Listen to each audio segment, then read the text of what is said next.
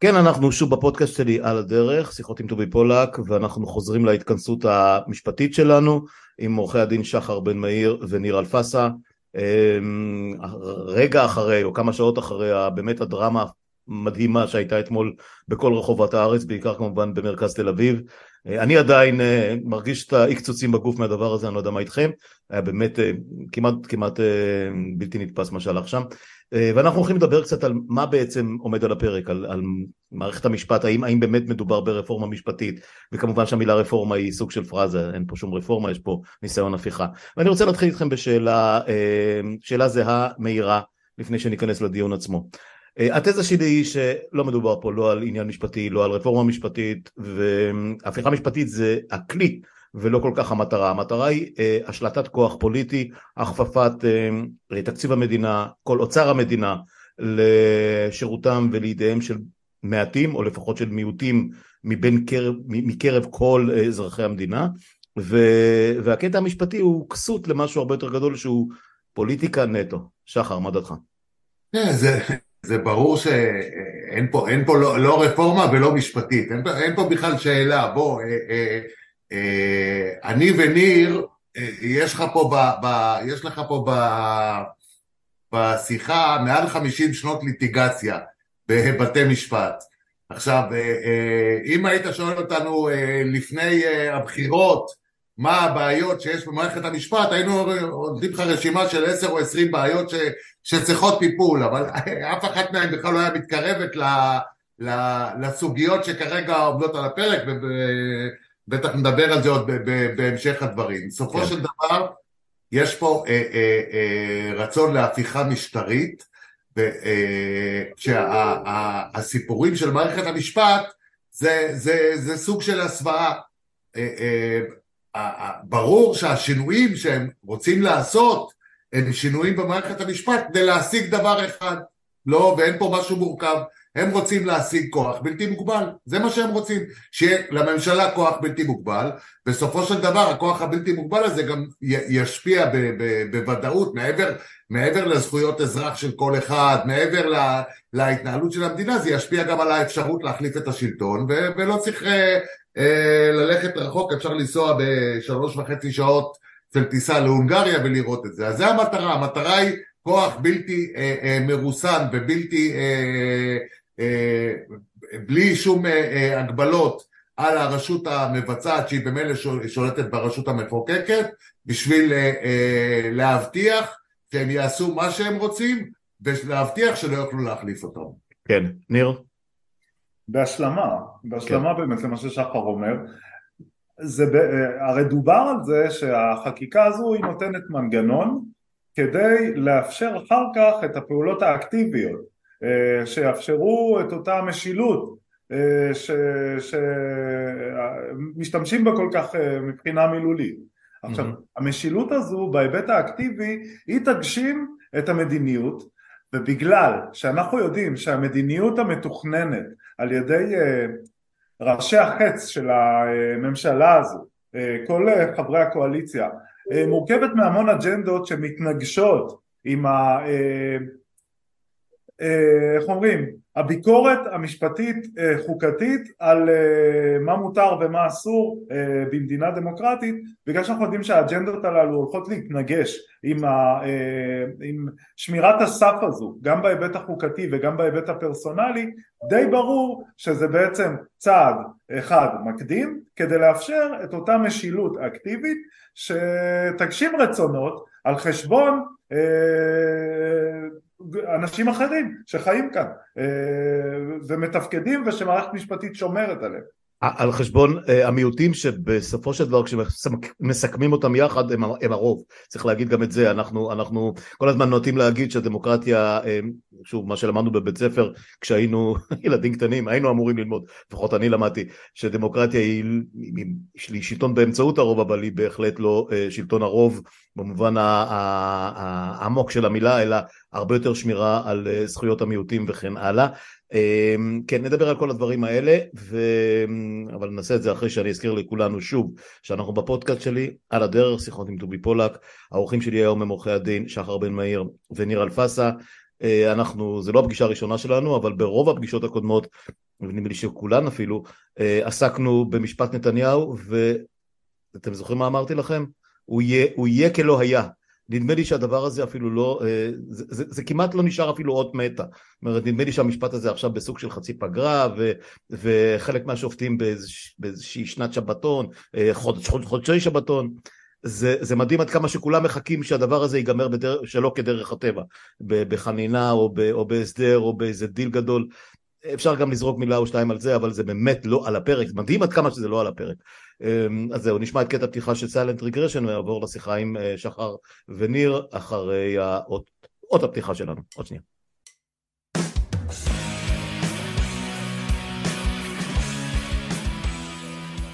אוקיי, אמ, כאמור, אנחנו בשיחה משפטית היום, ושיחה אה, שלדעתי יותר, כמו שאמרנו קודם, יותר אה, משטרית, הפיכתית, חינוכית וכוחנית, כוחנית פוליטית, אם, אם, אם לשים את כל הסלים האלה באותו, את כל, כל הביצים האלה באותו הסל.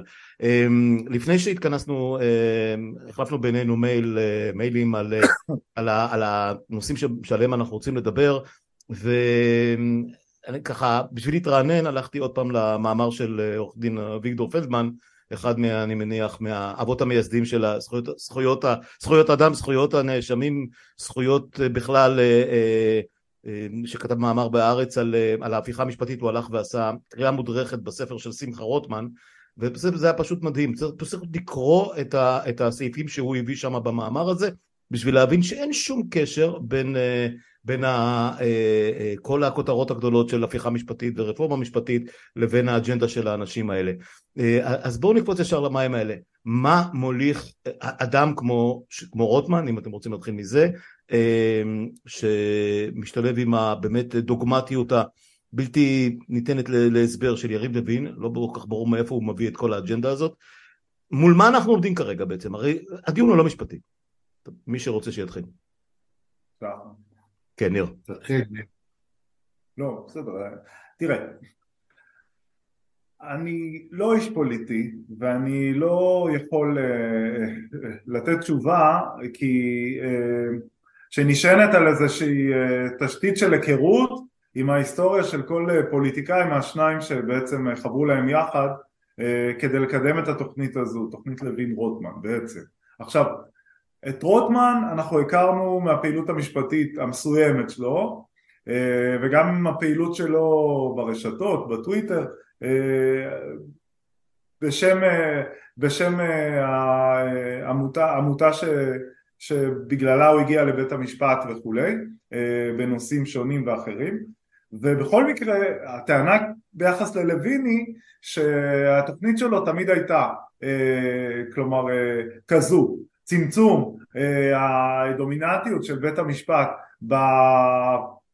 במשולש הזה של, אה, של, של הרשויות אה, בדמוקרטיה הישראלית והחזרת כוח כביכול לממשלה, רוצה לומר לשתי הרשויות האחרות אבל בעצם לרשות המבצעת על חשבון צמצום אותה אקטיב, אה, אותו אקטיביזם שמייחסים לבית המשפט אה, לפחות בשלושים השנה האחרונות. עכשיו, כשאתה חושב על אמביציות פוליטיות אתה יכול להבין אה, על מה זה יושב. אתה יכול להבין שבעצם בסיטואציה הזו, כשזאת הקואליציה ש, שמרכיבה את הממשלה הנוכחית, זה בהחלט מאפשר לכל הגורמים האלה לשבת יחד, לאפשר לנתניהו את אה, ממשלת החלומות לצרכים הפרסונליים שלו אה, המאוד מאוד אה, מסוימים בהקשר המשפטי צר כאשר ביחס לחרדים אין ספק שכל אימת שיצמצמו יקצצו את כנפיו של בית המשפט העליון בהקשר של עמידה על שמירה על זכויות חוקתיות ושמירה על שוויון על חשבון אינטרסים אחרים זה משהו שמזיק ליכולת שלהם לקבל אה, תקציב עתיר על אף אה, אי עמידה בשוויון בנטל וכולי.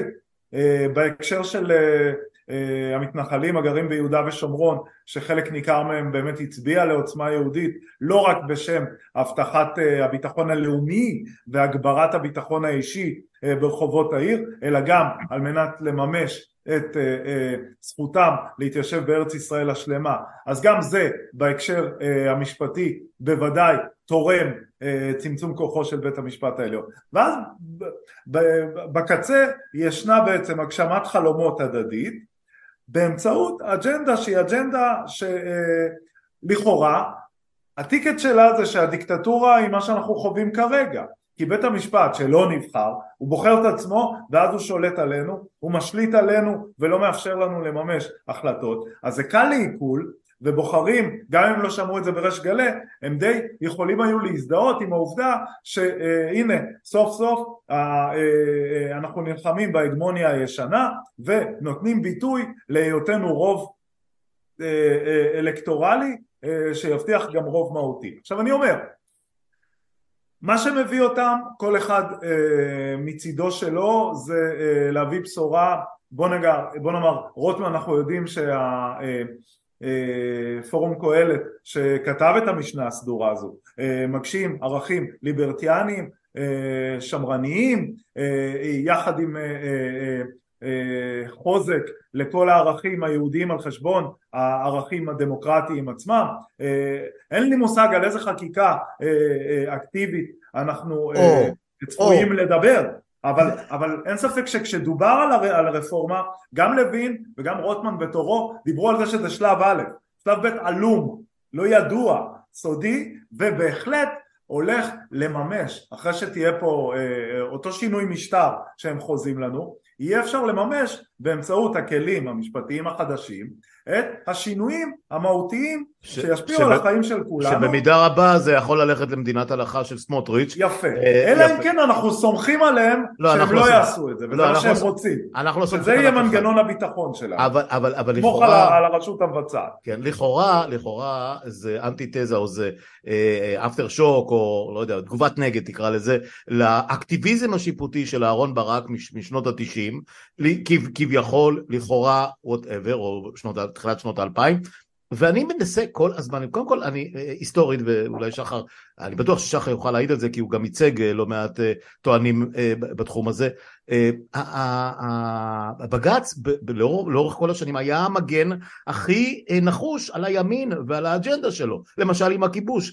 אני, מעט מאוד עתירות שנגעו לרכוש, פה ושם ברמה הפרטית, מול רכוש פרטי, מול העלמה לא חוקית ודברים כאלה, אבל בגדול הוא לא נגע בכיבוש לרעה, הוא לא פגע בזכויות של מתנחלים, הוא לא, הוא לא אה, אה, קבע דברים שהם בלתי חוקיים בעליל בהתנהגות של צה"ל באמת, או צה"ל או של המתנחלים או של כל מי ששולט בשטחים, אלא אם כן באמת מקרים נדירים ביותר וגם זה משהו שאני לא מצליח לזכור כרגע, אה, הגן במידה רבה מאוד אפילו על עתירות של, אה, מנהליות של, של נאשמים או חשודים בטרור יהודי הגן על היכולת של ישראל לממש את הכיבוש הזה.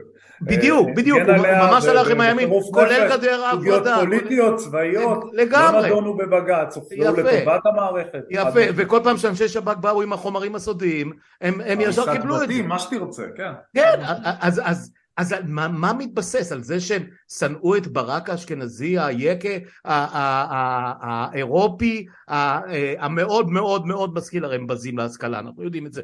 אה, אה, כאילו מאיפה, מאיפה, מה המקור, מאיפה זה הגיע האגדה הזאת על האקטיביזם ועל הכל שפיט והכל, כי ככל שאני מדבר עם משפטנים וקורא בעצמי והכל, כמעט אין לזה רגליים וידיים, כי זה יותר סיסמה מאשר מציאות.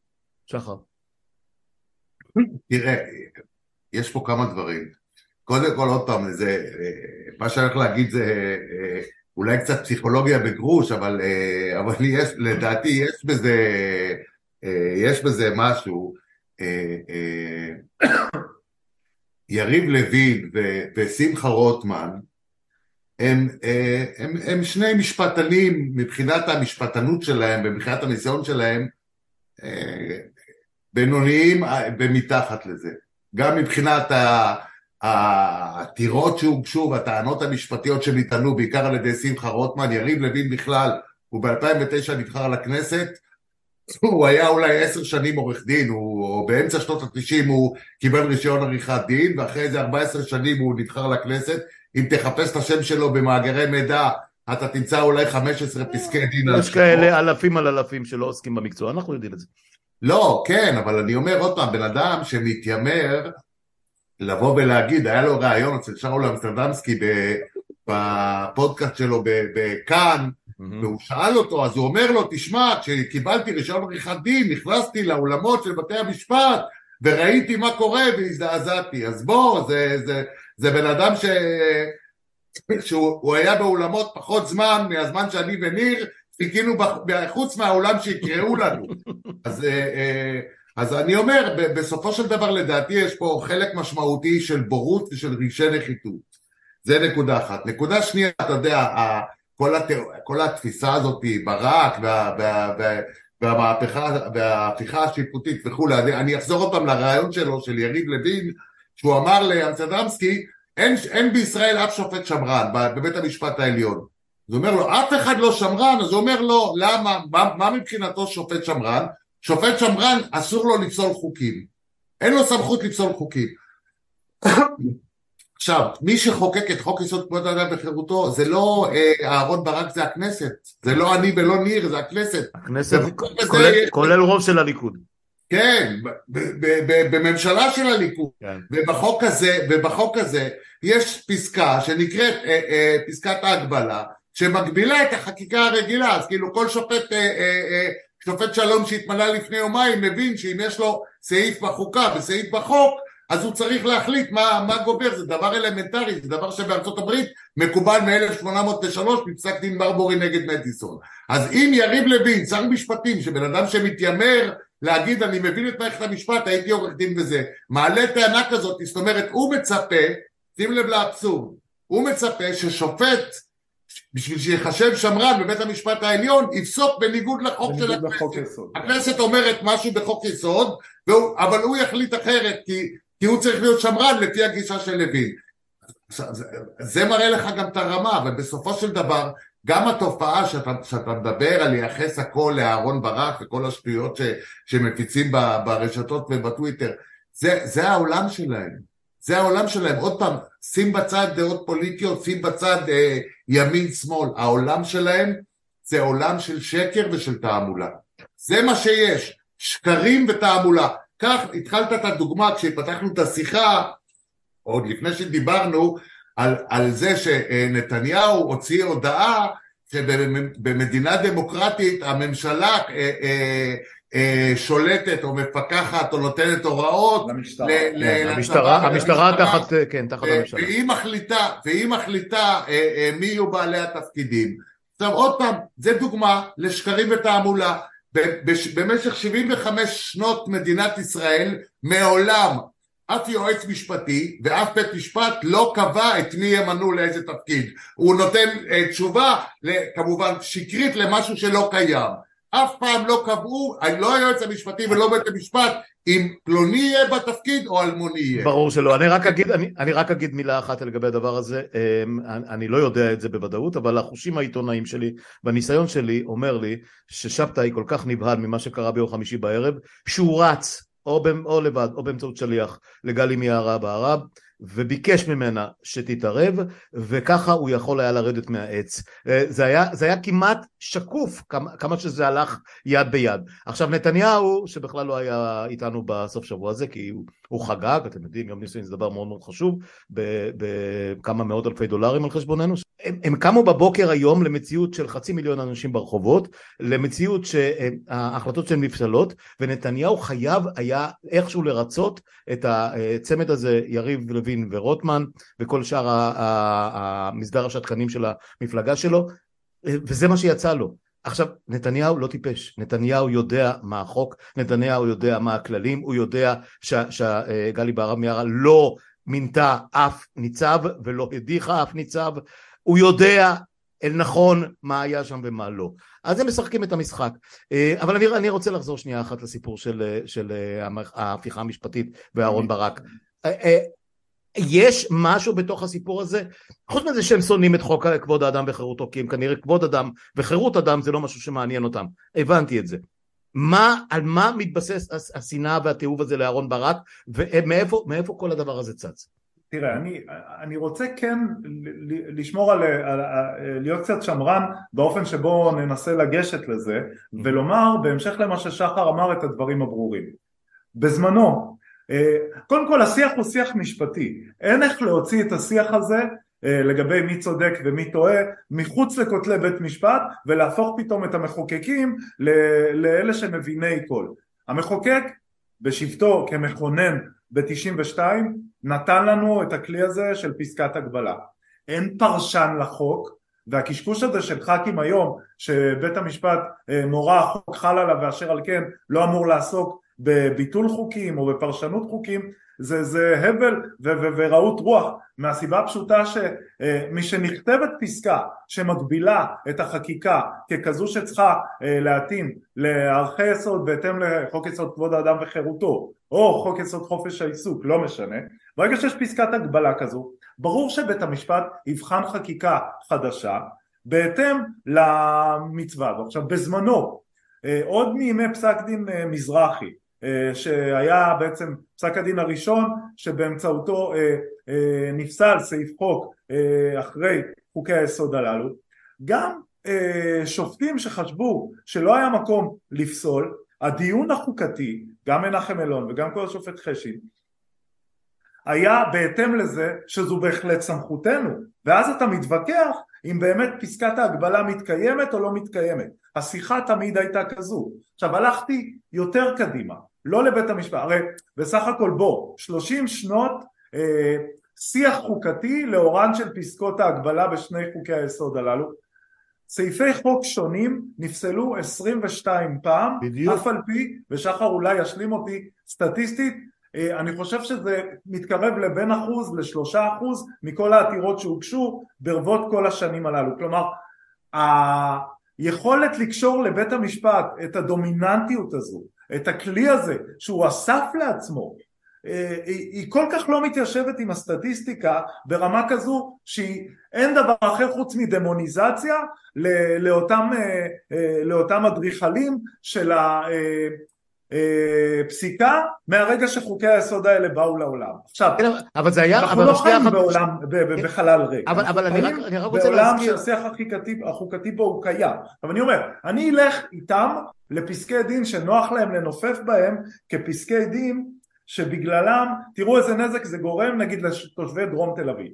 נגיד הבג"ץ המסתננים השני, אה, אחרי שהכנסת כבר הפכה את אה, הוראות החוק, את חוק המסתננים לכזה שמאפשר לכלוא מסתננים לא לשלוש שנים אלא לשנה.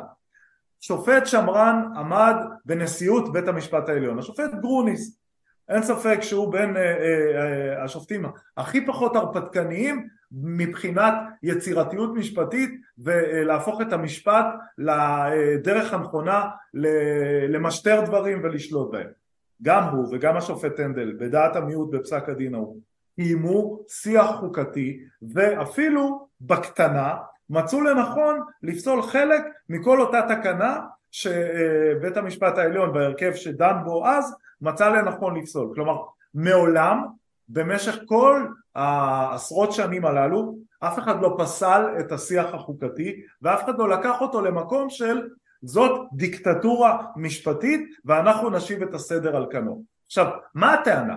הרי היו פה ממשלות ימין על ימין ועל שמאל מה שנקרא. על ימין ועל ימין. היו כאן יכולות ליצור רוב פוליטי עוד מהימים שליברמן היה בצד של הימין ועוד בימים, כולנו מכירים את הדעות של... וסער וכל השאר, כן. יפה, כולנו מכירים את הדעות של האנשים. כל מה שקרה כאן לא דומה לאופן שבו האג'נדה הפוליטית מוצגת כרגע והדמוניזציה שעושים לבית המשפט שבסך הכל דן בעתירות שהוגשו אליו.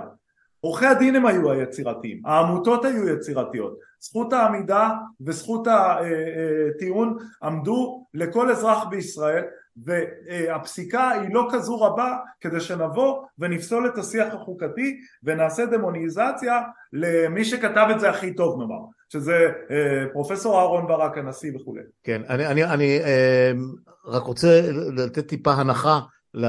ל... ראשים המדברים הנוכחים, כי אני זוכר אחורה את יעקב נאמן ואת אה, אה, דניאל פרידמן ואת הממשלות של אולמרט ואת גדעון סער. גם לנדוי זיכרונו לברכה. כן, אני אומר... שכתב את פסק דין ברגמן עוד לפני הכל. כן, אבל אני אומר ש, ש, שהטענות נגד ה... משפטיזציה ושלטון בית המשפט והאקטיביזם השיפוטי והכל שפיט שזה משהו שמלווה אותנו כמעט כל חיינו הבוגרים. וה, ו... אם, אם הולכים אחורה חיים רמון ואולמרט ופרידמן ונאמן וסער עצמו הם, הם התעסקו עם הדבר הזה המון המון שנים לפני רוטמן ולוין. כאילו מה למה בית המשפט כל כך כואב להם, שחר? מה, מה, מה הוא עשה להם רע לאורך כל, ה, כל השנים? כמו שאמרנו, הוא שירת אותם, למה? בית משפט לא עשה להם רע, בית משפט עושה מה שהוא אמור לעשות, ודרך אגב, זה לא בית המשפט עושה, בית המשפט מיישם את מה ש... את, ה... את הנורמות, אה, אה, חוקה, כן, אמורה להגביל את המחוקק. זהו, חוקה אמורה להגביל את המחוקק. וברגע שהחוקה מגבילה אותו, ומגבילה את המחוקק, בוודאי מגבילה את הרשות המבצעת. אז זה המשמעות. המשמעות היא שבית המשפט, כשהוא מיישם את ההוראות האלה, הוא מגביל את הסמכות גם של הרשות המחוקקת וגם של הרשות המבצעת. עכשיו אתה, אתה אומר על ברק, בוא אני אחזור איתך ל-1948, על, על סיפור שלא כולם יודעים. ב-1948 היה בג"ץ, היה תקופה של כמה חודשים, שבג"ץ ישב בהרכב בבית משפט המחוזי בתל אביב, עוד לא בירושלים, לפני שהם מינו את השופטים העליונים, מכיוון שבתקופה של המנדט היה בג"ץ, ברגע שהמנדט אה, אה, אה, נגמר, ישב בג"ץ במשך כמה חודשים בהרכב של בית המשפט המחוזי בתל אביב. עכשיו הייתה פרשת אלטלנה, אנחנו זוכרים את אלטלנה? זוכרים. בהקשר לאלטלנה, או בהמשך למה שקרה עם אלטלנה, אה, אה, הרמטכ"ל, הצבא, ווטאבר, עצרו שני אנשים, אחד בשם מרידור ואחד בשם קוק, שניהם היו אחרי זה חברי כנסת מטעם חירות, ועצרו אותם על פי תקנות שעת חירום, והגישו עתירה לבג"ץ מחוזי בתל אביב, היו שם שלושה שופטים, אני לא זוכר את השמות של שלושתם, היה שופט מיעוט בשם קסאן, אני מזכיר לך, זה אלף, אני מזכיר לכם, זה 1948, אין חוק יסוד כבוד האדם וחירותו, ואהרון ברק לפי דעתי עוד היה אה, נער צעיר, כן, והשופט אה, אה, קסאן כותב ככה, אני מקריא פסקה קטנה, לא זו בלבד שהשופט רשאי, אלא חייב הוא להעביר את החוק תחת שבט ביקורתו ולבחנו אם לקוי הוא, אם הוצע בהתאם לחוקה היסודית של המדינה או בניגוד לה. ואם המחוקק עבר או לא עבר על סמכותו בעריכת החוק, יפה כוחו של בית הדין לפי השקפה זו גם לעקור חוק ולבטלו מעיקרו אם פסול הוא בעיניו. עכשיו, על איזה חוק הוא אמר את זה? הוא אמר את זה על, על תקנות שעת חירום, שזה בעצם החקיקה המנדטורית שמכוחם הבריטים שלטו בארץ. אז השופט מיעוט אמר, עוד לא היה לא חוק יסוד כבוד אדם וחירותו, לא חוקה ולא כלום, שלבית המשפט יש סמכות לפסול חוקים. יש אה, גישה, כל מה שאני אה, מקריא זה ממאמר של חוקרת בשם שני שניצר, יש לה גישה שאומרת שאחת הסיבות שבן גוריון לא רצה לקבל חוקה, הרי היו צריכים לקבל חוקה והם לא עשו את העבודה שלהם, זה בגלל הפסק דין הזה. הוא הבין וזה בדיוק לשאלה שלך, הוא הבין שאם יש חוקה היא מגבילה את השלטון. עכשיו באופן אבסורדי ואירוני ומה שאתם לא רוצים, האדם העיקרי שלחם לכינון של החוקה זה מנחם בגין עם מפלגת חירות. עכשיו אתה יודע, רוצים עכשיו הרי לשנות את ההרכב של הוועדה לבחירת שופטים. הוועדה לבחירת שופטים עובדת ככה מ-53, לא נגעו בה, 70 שנה היא עובדת ככה. מי ש... לחץ, בוועדה יש שני נציגים של, של הממשלה ושני נציגים של הכנסת, מי שלחץ שאפילו את הנציגות הזאתי של הממשלה לא יהיו, זה מנחם בגין וחירות, זאת אומרת, הוא הבין כבר אז, ב-53, והוא כותב את זה, והוא אומר את זה בכנסת, שבית המשפט צריך להיות עצמאי ולכן המינויים לבית המשפט לא צריכים להיות בכלל בשליטה של הממשלה. לכן, עוד פעם, לתשובה לשאלה שלך, זה מפריע להם כי הם רוצים להיות דיקטטורים, כי הם רוצים להיות מנהיג פופוליסטי שאין עליו מגבלות. זה, זה מה שהם רוצים. ולכן המלחמה פה היא לא מלחמה על, על שאלות משפטיות, היא מלחמה האם אנחנו חיים במדינה חופשית או מדינה שאין לשלטון שום הגבלה. כן, אמ, שזה כמובן עונה לי על כמה שאלות, לא כל כך פותר לי את הפלונטר הקטן הזה של הפסיכוזה שלהם עם אהרון ברק, אבל זה כנראה אה, מסוג הדברים שאולי היסטוריונים כבר אה, יגלו מה, מה עומד מאחורי הדבר הזה. אה, לדעתי זה גם מתחבר לקטע של קטע עדתי וקטע של אנחנו והם וכל התיאוריות של אבישע בן חיים, אלף ואחד דברים מהסוג הזה שהוא כמובן... הם צריכים דמון, הם צריכים, בדיוק, בדיוק. הם צריכים דמון. אז יש להם את הברק, נכון, יש להם את הברק, יש להם את הברק הקיבוצניק ואת הברק הרחביה ואת הברק ההוא ואת ברק כהן, אגב, אמרתי לך, הוא ידע לכתוב טוב מכולם את, בדיוק את, איך אומרים, כל הסיוטים כולם של מי שלא רוצה את המגבלות הללו על הכוח השלטוני שלו. ובסך הכל מה רצינו? רצינו שיהיה מנגנון שישמור על זכויות פרט לא מנגנון שירסן שלטון תקין. אגב מה שבאנגליה או במקומות אחרים נהוג לכנות אותו כ-It's not done כמו פעם. נכון. נדמה לי שגידי וייץ כתב עכשיו על מנחם בגין בהקשר של אם לקיים או לא לקיים לפנות ליועמ"ש זמיר ב-79 על מנת שאולי יבטל כתב אישום שהוא הגיש בנוגע לפוליטיקאים וכולי הוא קידש אותו. לא פונים אליו ולא אה, נוגעים בו. אז, אז, אז אני, רק, אני רק אוסיף למי שהזיכרון שלו לא כל כך ארוך כמו, של, כמו של, שלי קצת ושלכם הרבה, אה, להזכיר שברק הדמון של הימין הוא זה שחיצל את שלטונו או מנע מרבין לרוץ מחדש אה, אה, ב-77 אחרי הגילוי של חשבונות דולרים שלא היה 20 או 50 דולר כמו שניסים להגיד את זה, זה היה שם עבירה קצת יותר משמעותית לפי החוקים שלהם, של, של הימים ההם אה, והוא גם זה שעזר מאוד מאוד מאוד לבית בגין לצאת כאביר השלום. הוא זה שליווה את בגין ואת דיין ואת עזר ויצמן בהסכמי קמפ דיוויד. אז, אז אתה יודע, אחריתו, ובאמת האיש מבוגר ואשתו מאוד חולה וכל מה שראינו בראיונות האחרונים וכל הסיפור הזה, זה כל כך לא הוגן. ההילה הזאת שעכשיו האנשים הבאמת מופקרים האלה עוטפים, עוטפים את האיש עם כל חסרונותיו, הוא באמת אחד המאורות הגדולים ביותר שקמו לעולם היהודי מאז, מאז, אה, מאז שהמדינה הזו כוננה אה, בעיניי לפחות אה, ואני לא משפטן ולא, ולא מבין שום דבר בפסיקות שלו באמת כליימן, כאזרח בואו בוא, בוא, בוא נתקדם לא, אני, אני, רוצה כן, להגיד אוקיי. עוד, אני רוצה להגיד לך עוד איזושהי הערה בעניין הזה כן. אני מסכים עם ניר וגם בוודאי שהוא הרטוריקה שלו הייתה הרבה, הרבה יותר אפילו מהפסיקה שלו. אבל צריך להבין עוד נקודה, והיא נקודה חשובה שלא מוזכרת, אבל לא זה. בסופו של דבר, אתה יודע, כמו, אתם יודעים, כמו הפתגם, שכל בן אדם הוא תבנית נוף מולדתו. אם אתה בא ושואל, מה, מה, מה המקור לכל המלחמה שלו על זכויות אדם, דברים כאלה, זה ילד שעבר את השואה. גרמניה, מה זה בכלל? לא, זה ילד, זה ילד שהתחבא בתוך בית של אה, אה, אה, כפרי ליטאי נוצרי, שבנו איזשהו קיר כזה, שהוא ואימא שלו היו מאחורי הקיר, זאת אומרת, משם הוא בא, משם הוא בא. כן, כן, כן.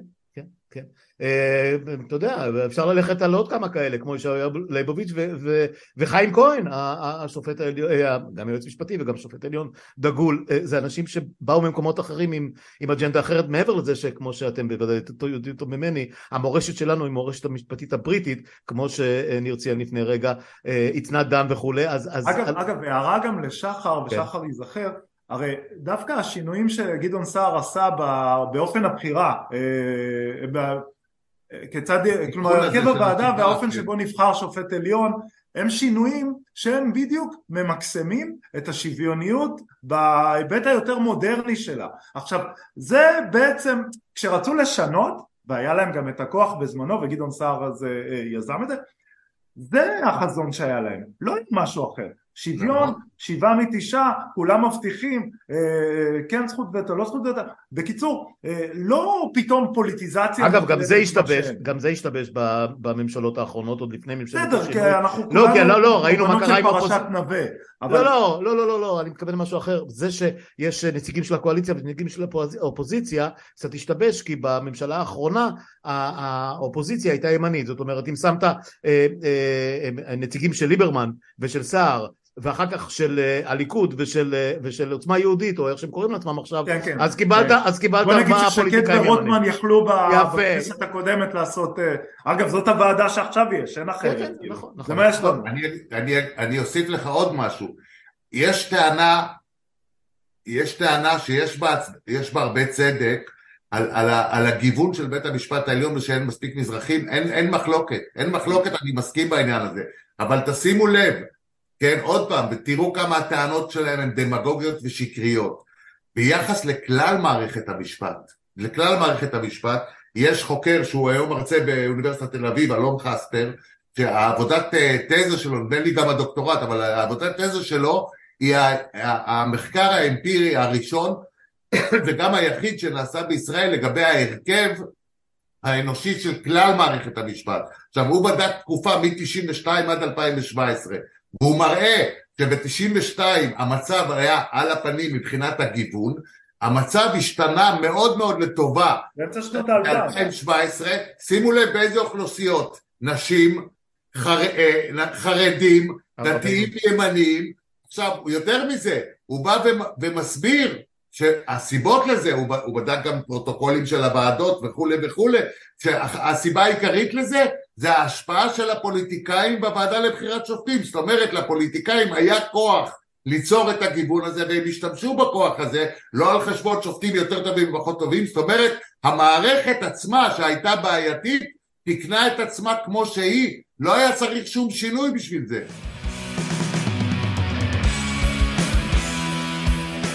התחלנו בזה שנדמה לי ששחר כתב את זה באחד הסעיפים הראשונים בדיון, ה- בדיון במייל אה, איזה בעיות באמת יש במערכת המשפט? אם אנחנו עכשיו מדברים על רפורמה אה, ונניח שנסכים שיש בעיות במערכת המשפט אני כאזרח באמת שלא נזקק למערכת לא, לא, לא חלק מהמערכת אה, לא מופיע בבתי משפט אפילו לא, לא, כ- לא נתבע ולא כעד כמעט אף פעם אה, הייתי אומר שברור לי לגמרי שיש מחסור עצום בכוח אדם שיש בעיות אדירות של סחבת, אני כעיתונאי יודע את זה, אה, שבמידה רבה גם רמת השופטים, בוודאי בערכאות הנמוכות, אבל זה כנראה מקרין אה, מעלה ככל שהשנים חולפות, אה, איכות השופטים לא מספיק, לא מספיק גבוהה, או מידת ההכשרה שלהם, נקרא לזה ככה.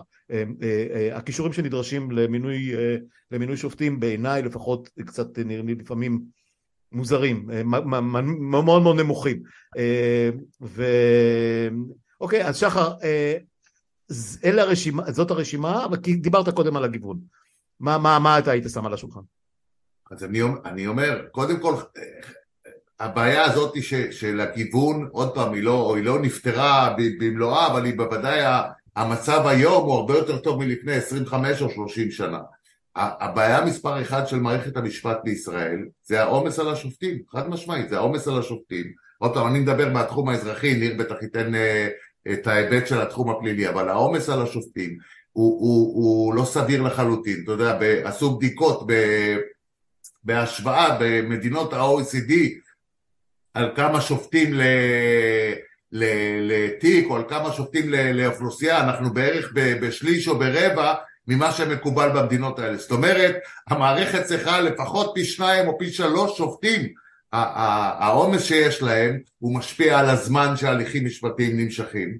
הוא משפיע גם על האיכות של השפיטה, אין- מה לעשות, ברגע ששופט יש לו, יש עליו לחצים והוא צריך לתת פסק דין בזמן סביר ולא לסחוב תיקים שלוש, ארבע וחמש שנים והם נמשכים, אפרופו משפט נתניהו, אז כן, אז הוא מוציא מתחת ידיו עבודה הרבה, הרבה פחות טובה.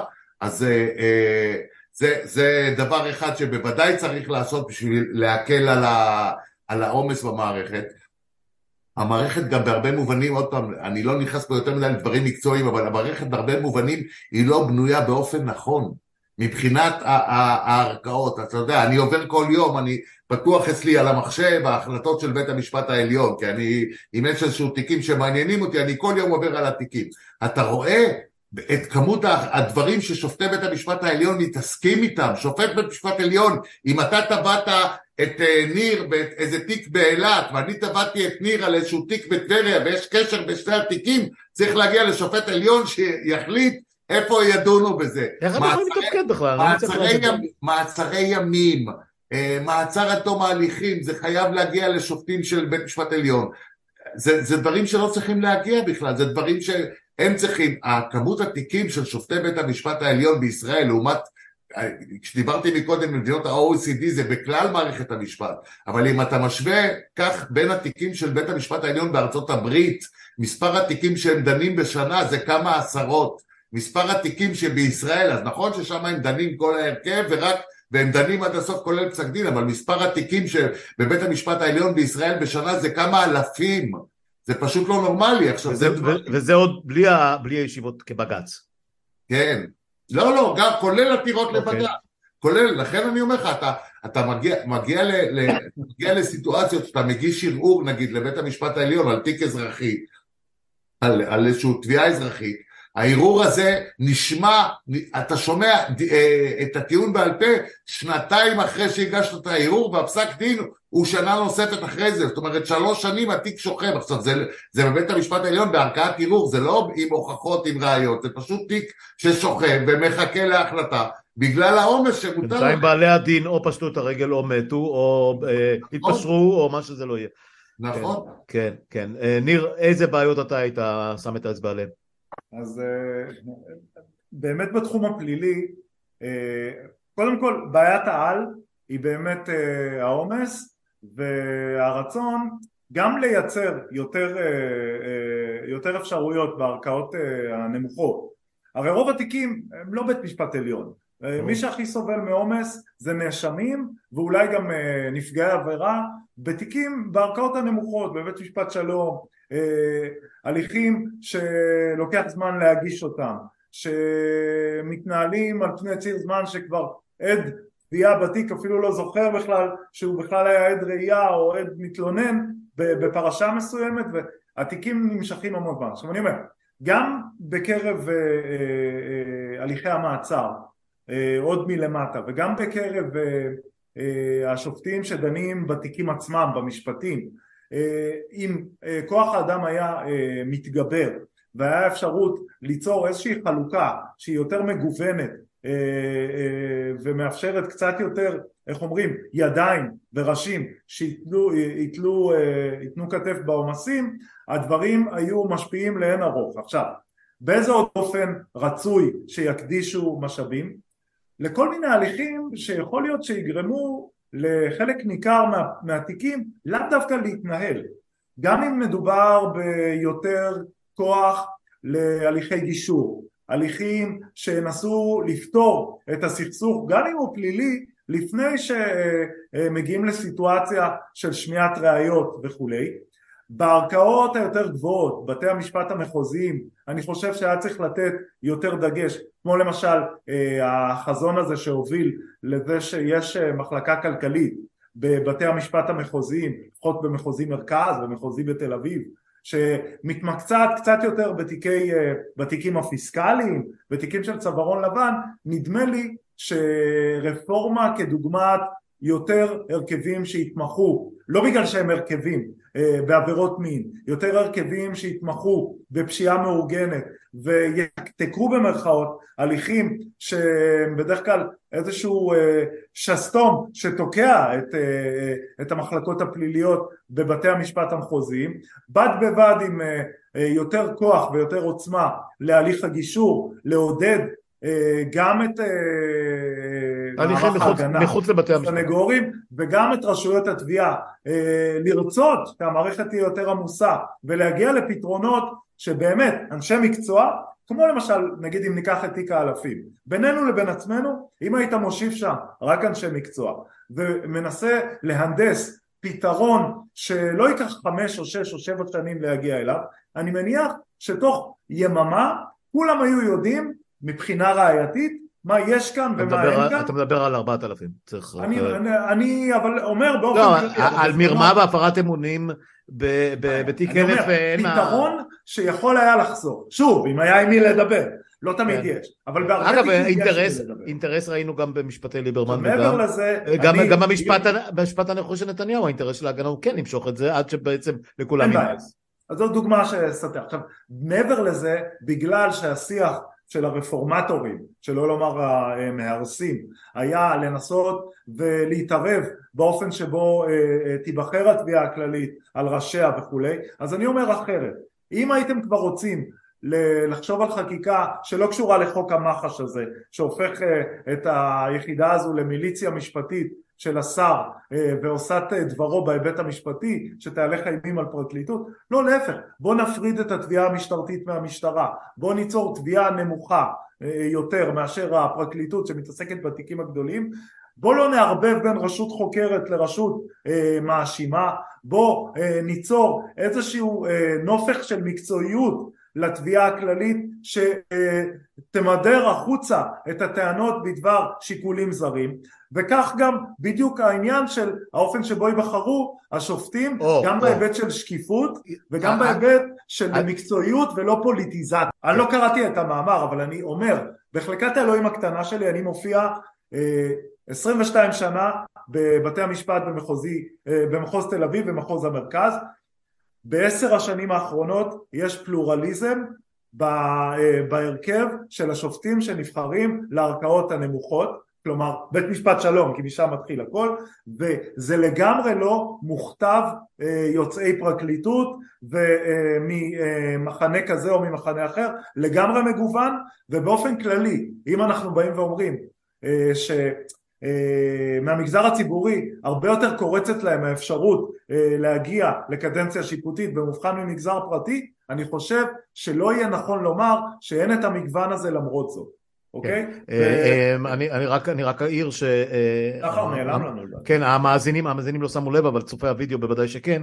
אה, שחר נעלם כרגע והוא כתב לי בוואטסאפ שיש הפסקת חשמל אצלו בבניין, אז אני מקווה שהוא יחזור עוד מעט. בכל אופן, אני אשאל אותך, ואני מקווה ששחר תכף יחזור, אוקיי. ואם לא, אז נשלים את השיחה הזאת אחר כך, יחד איתו.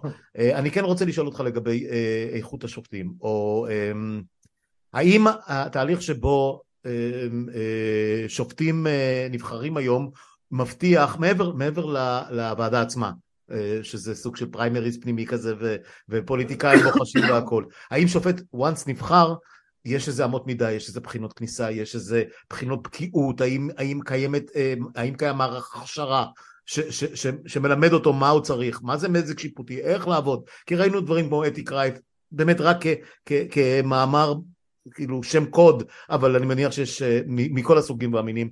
איך זה עובד באמת ומה אפשר לעשות את זה יותר טוב? בתור התחלה אה, אמורים לקבל את המועמדויות השונות אה, שמתלוות להן המלצות מאנשי מקצוע ולאחר מכן אחרי שנאספים המועמדים כולם יש ועדת משנה שמורכבת הרכב של שלושה, נדמה לי שאחד מהם לפחות הוא שופט עליון, שמראיינת, פוגשת את המועמד, אה, מתרשמת ממנו ורואה אם באמת מבחינה אה, מקצועית ראוי לנתב אותו לאותו מסלול הכשרה. עכשיו מסלול ההכשרה אתה מוזמן לקורס, זה לא באמת קורס, זה כאילו השתלמות.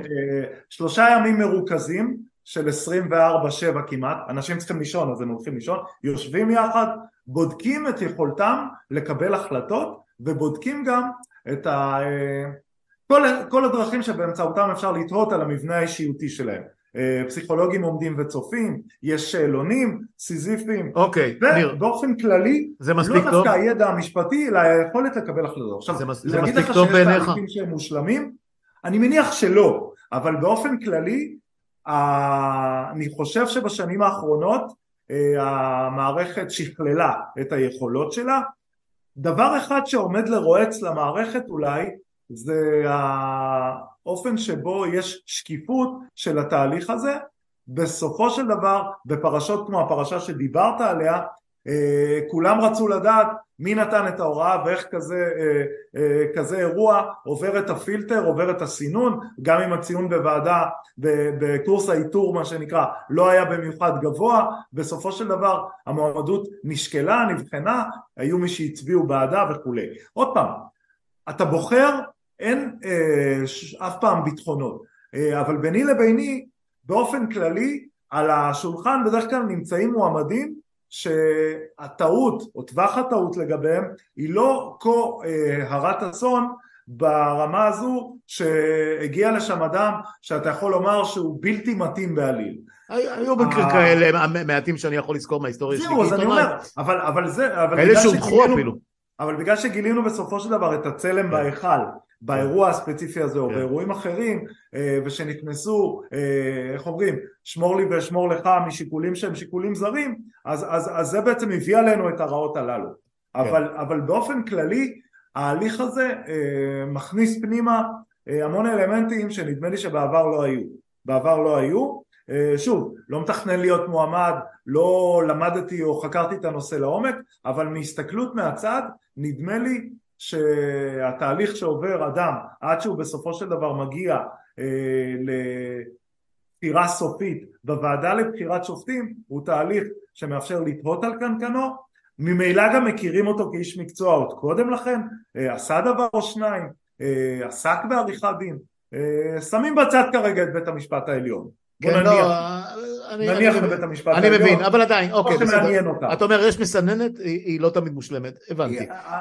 אם דעתי נשמעת, אם צריך לטייב ולשפר משהו, ואולי את השקיפות ואת ההכנסה פנימה של עוד אלמנטים מקצועיים, אולי עיוניים, אולי אקדמיים, אני לא חושב שזה על הפרק, אבל כן. אם אנשי אקדמיה אה, ולאו דווקא נציגים של לשכת עורכי הדין היו בתוך המבנה אה, אה, של הוועדה שתשב ותבחר, יכול להיות שזה היה משפר עוד יותר את היכולת לוודא שאנשים גם יכתבו טוב, יכירו פסיקה, יכירו נושאים לעומק וזה בטח יבטיח את הגברת המקצועיות חוץ מהיכולת שלהם גם להיות אנשים בתוך עמם מגוונים אה, אתה יודע מזג, מזג לפעמים אפשר, מזג, מזג אפשר תמיד אה, בדיעבד, אתה לא תמיד יודע מראש. כן, אה, שחר קצת עזב אותנו, אני מקווה שאני אוכל להשלים אחר כך גם את דעתו בחלק מהנושאים, אז ניר אלפסה איתי עדיין, ואני רוצה להגיע לשני הדברים הכי בוערים כרגע על הפרק.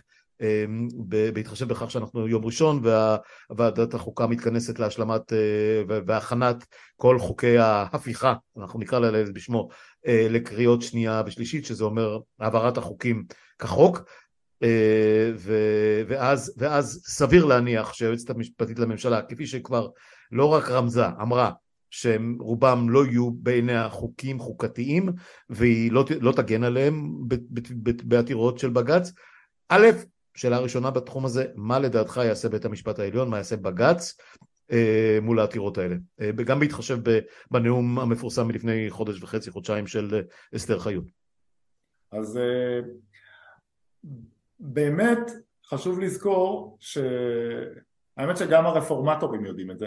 אה, היכולת אה, לקיים ביקורת חוקתית על אה, חוקי יסוד אה, היא אה, לא מומשה אה, על ידי בית המשפט העליון אצלנו, הדוקטרינה, הדרך שבאמצעותה אה, יכולה לבוא לעולם בשיטה המשפטית שלנו אה, ועל פי פסיקת בית המשפט העליון יכולה לבוא לעולם איזושהי ביקורת חוקתית על תיקונים חוקתיים בניגוד לתיקונים חוקיים ששם דיברנו על פסקת הגבלה וכולי זה רק אם התיקון החוקתי הזה הוא פוגע בערכים במבנה אה, הערכי של מדינת ישראל כמדינה אה, יהודית, כמדינה דמוקרטית, אה, ממש, ב, איך אומרים, בערכי היסוד שלה. עכשיו, הדוקטרינה הזו שוחזרה מילולית כשהשופטת חיות, הנשיאה חיות, כתבה את פסק הדין שלה והסבירה מדוע היא לא מתערבת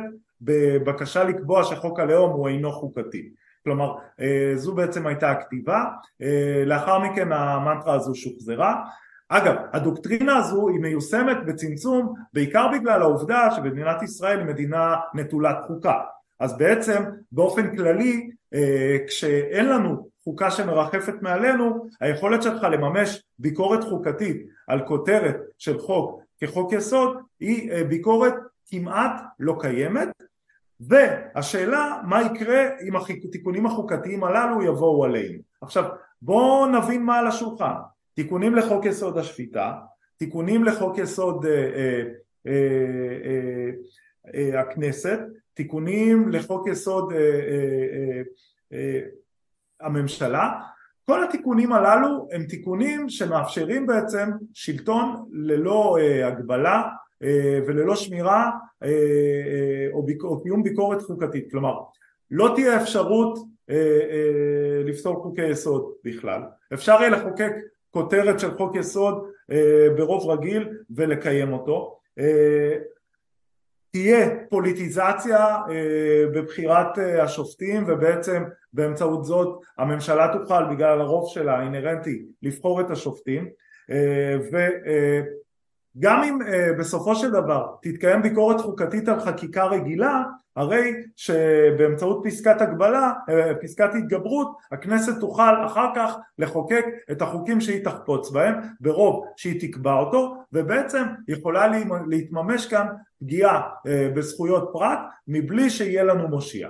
עכשיו תיקונים מהסוג הזה, אם הבנו נכון את הנאום אה, של הנשיאה חיות וקראנו את חוות הדעת של אה, היועצת המשפטית לממשלה גם ביחס למהות התיקונים וגם ביחס לדרך אה, החפוזה שבה התיקונים הללו מתממשים בדיונים בוועדת חוקה חוק ומשפט. אתה קורא לזה דיונים, זה understatement. אז אני אומר, החיפזון וגם המהות הם כאלו שמוליכים אותנו למחשבה שבהרכבו הרגיל של בג"ץ היום תיקוני חוק היסוד הללו לא יעברו. Okay. אוקיי. לא יעברו ויקבעו כתיקונים שאינם חוקתיים על פי הדוקטרינה. Okay.